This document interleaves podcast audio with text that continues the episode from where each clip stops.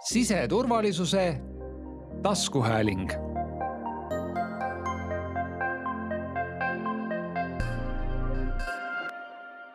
räägime täna vastuolulistest sümbolitest ja natukene ka üheksanda mai tähtpäevast, mis hakkab lähenema. kuna meile on saabunud äh, palju küsimusi sel teemal, siis äh, selgitame siseminister Kristian Jaaniga natukene seda teemat lahti. üheksas mai on siiani olnud äh, kui võidupüha. Kas see, et me Eestis oleme tolerantsed olnud ja lasknud seda siiamaani rahulikult tähistada, kas on arvata, et nüüd sel aastal on midagi teistmoodi? noh, teises maailmasõjas hukkunute, langenute mälestamine ei ole ju mitte kuidagi keelatud. et äh, seda on tehtud äh, igal aastal, tehakse seda ka tulevikus ja ma kindlasti ei äh, nimetaks seda ainult, et justkui nagu venekeelsete inimeste, vaid seda on ikkagi tähistanud väga mitmed eestimaalased, olenemata rahvusest või seda keelt, mida nad kodus räägivad aga veel kord, et minna kalmistule ja mälestada sõjas kõiki hukkunuid, langenuid, see ei ole kuidagi keelatud politsei jaoks on üheksas mai iga aasta olnud äh, väljakutse.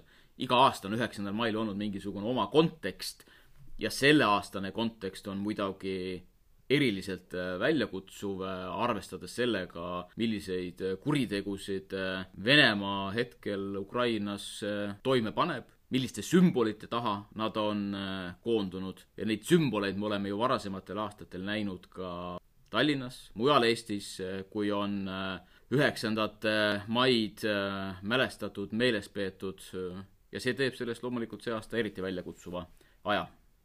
No meil on tulnud küsimusi, kas äh, Georgi lint on okei okay kanda, kui minnakse sinna kalmistule näiteks sel aastal lilli viima? mina arvan, et sellel aastal sümbolid, mida Vene armee kasutamas täna oma sõjatehnikal, oma sõjameestel Ukrainas, pannes toime kuritegusid, siis sellise sümboolika kasutamine täna ei ole mitte kuidagi kohane. olgu selleks see Z-sümbol, olgu selleks Georgi lint ja mul on tõesti kahju, sest Georgi lindile on tegelikult eh, noh, päris pikka perioodi juba külge poogitud hoopis midagi muud, kui ta algselt oli. ja selle juurde pookimine tähendab seda, et selle eesmärk on tegelikult eh, ühiskonna lõhestamine, mis on olnud ka üks eh, Kremli nii-öelda suuremaid eesmärke, kasutada sümboleid ära ka lõhestamiseks ja ma arvan küll jah, et äh, selliste sümbolite, olgu selleks äh, Nõukogude atribuutika, sümboolika, mida me oleme näinud ka Ukrainas, mida on kasutanud äh, jällegi Vene sõjavägi, Venemaa Ukrainas kuritegude toimepanemisel, siis see ei ole kohane. Nendel sümbolitel on küljes Ukraina ohvrite veri see on selge, et me ootame, et see päev läheks äh, rahulikult ja oleme rõhutanud siiamaani ja räägime ikkagi edasi, et mida vähem sümboleid, seda parem. mis saab vaenuliku sümboolika eelnõust, mis praegu Riigikogus on, mida see muudab? no ma väga loodan, et äh, auväärt Riigikogu äh, selle nädala jooksul selle muudatusettepaneku vastu võtab, kui me räägime siis konkreetselt karistusseadustikust ja räägime siis nii-öelda rahvusvahelise kuriteo toetamisest ja õigustamisest ja tõepoolest, äh, see eelnõu, see muudatus karistusseadustikus äh, räägib siis äh, laias laastus väga lühidalt kokku võttes agressiooniakti, genotsiidi, inimsusevastast kuritegu, sõjakuritegu ja nendega seotud sümbolite avalikku eksponeerimist, kui seda tehakse siis nii-öelda toetaval ja õigustaval viisil. Ehk siis siin tuleb hinnata konteksti, kuidas neid sümboleid kasutatakse ja mulle just iseenesest imponeerib see, et me räägime siin kontekstis, mitte me ei too seadusesse loetelu sümbolitest lätlased ja leedulased on läinud äh, seda teed äh, minu teada, et nendel on loetelu sümbolitest, aga mõistlikum on nii-öelda jätta see lahti ja rääkida kontekstist. sümboleid võib tulla juurde, olukord muutub. Äh, just nimelt nii ta on, ma küll loodan, et need sümbolid ei tule mitte kunagi juurde, sest tihtipeale need sümbolid on tulnud juurde just siis, kui keegi tungib kellelegi kallale ja seda ju mitte kuidagi mitte keegi ei taha, aga tõepoolest ei ole kuidagi mõistlik ka see, et seaduses on loetelu sümbolitest ja siis peab hakkama seadust kogu aeg muutma, et see ei oleks kindlasti mõistlik lähenemine kas äh, inimene tänaval, kui ta märkab, et keegi eksponeerib näiteks seda Z-tähte, kas ta peab hakkama kutsuma nüüd äh, iga tähe pärast äh, politseid või kuidas reageerida?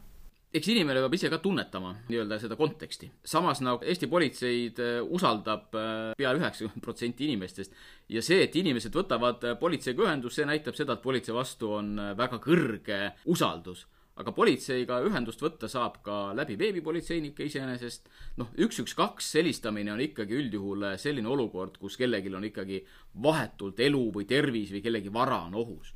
Aga loomulikult, kui inimene tunnetab, et sellest tuleb politseile teada anda, siis, siis loomulikult eh, tulebki helistada selliseid eh, keskkondasid, kus politseid teavitada, teada on, anda on muidugi küll ja veel kuidas peaksid käituma Ukrainast äh, saabunud äh, inimesed äh, meil siin Eestis, kas neile on meil anda mingisuguseid teisi soovitusi?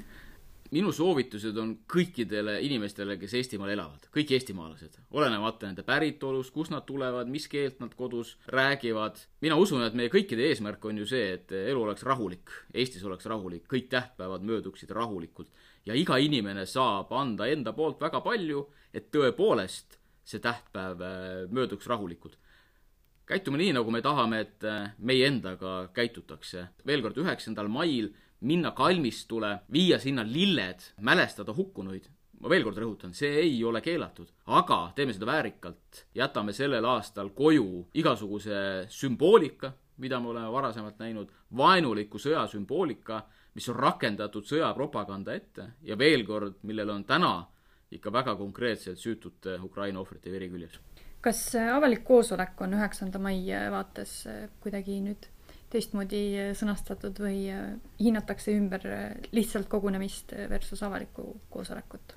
no täna on üks registreering avaliku koosoleku kohta üheksandal mail selle koosoleku korraldaja on öelnud, et tema seda koosolekut läbi ei vii. väga mõistlik otsus tema poolt, et sellel aastal sellist üritust mitte läbi viia, konkreetselt räägime siis äh, Surematu polgumarsist, mis ei ole mitte kuidagi kohane ja veel kord, mul on hea meel, et see korraldaja on öeldud, et äh, seda ei toimu ja rohkem avalikke koosolekuid mina äh, tänase seisuga ei näe, et oleks registreeritud. mul on väga hea meel, et kui me räägime ka nendest sümbolite kasutamisest, et siis ka Tallinna linnapea on ju öelnud, et tuleme, mälestame, jätame sümboolika koju. ka Teise maailmasõja veterane ühendav MTÜ on öelnud väga konkreetselt, et tuleme, mälestame, jätame sümboolika koju. Nii et äh, need on väga olulised äh, sõnumid, väga üheselt öelnud. Ja ka minu sõnum on, mõtleme kõik väga konkreetselt läbi, mida just nimelt tänasel ajahetkel nende sümbolite avalik eksponeerimine tähendada võib, millist mõju tekitab? Kui inimene märkab äh, tänaval olles mingisugust sõjapropaganda embleeme või või midagi, mis teda häirib, siis on mõistlik anda sellest politseile teada, aga mitte minna ise sekkuma. Et jätame selle osa politsei teha ja nemad siis hindavad, kuidas seda olukorda kõige parem oleks lahendada väga õige ja see, et me täna oleme ka meie õigust muutmas ja vastav eelnõu on Riigikogus ja kui see eelnõu ka Riigikogu poolt äh, vastu võetakse, noh, see on positiivne, et ta loob meil veelgi parema raamistiku ja kirjeldab ikkagi nii-öelda küll jah, konteksti mõttes ära vaenuliku sümboolika kasutamise. ehk siis selle keelu annab politseile selgepiirilisemad äh, sekkumisvõimalused, sekkumine on ka vestlemine, eks ole ja sealt edasi saab politsei juba otsustada, kas tegemist on ka näiteks äh, süüteomenetlusega. nii et oluline on see, et mälestamist ei saa mitte keegi keelata, aga seda tuleb teha ilma sõjapropaganda sümboolikata. ja selle sümboolikaga ikkagi on kõige lihtsam lähenemine see, et äh, me ju teame ja me näeme, mis toimub Ukrainas, mis on see sümboolika, mida me täna mõtleme, mida Vene armee kasutab ja kui võetakse vastu ka seadus Riigikogu poole pealt, äh, siis kindlasti politsei teeb äh, väga hea töö ka selles vaates, et äh, kuidas nii-öelda see seadus ka rakendub siis igapäevaelus.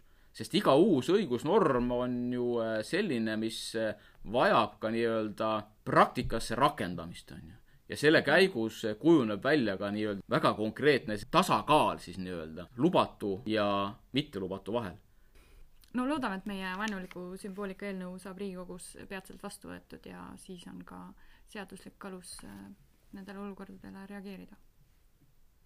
Muidugi ma ütlen ka seda, et alus reageerida on ka täna olemas politseil iseenesest, nagu korrakaitseseaduse järgi võib ka politsei sekkuda, see ei ole süüteomenetluslik sekkumine, vaid see on nagu ohu ennetamise ja ohu tõrjumise mõttes sekkumine aga see, mis täna on Riigikogus, eks ole, siis see tekitab nii-öelda süüteokoosseisu ja see on äh, midagi muud.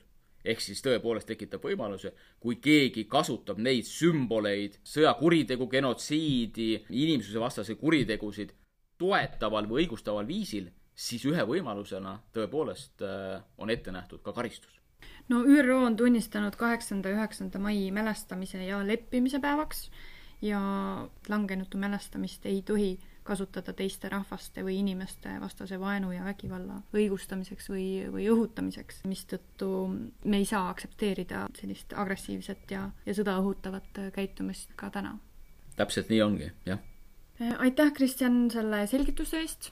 loodame, et meie vaenuliku sümboolika eelnõu Riigikogus saab kiirelt vastu võetud ja jääme ootama rahulikku maikuud. kindlasti ja kindlasti tulebki rahulik siseturvalisuse taskuhääling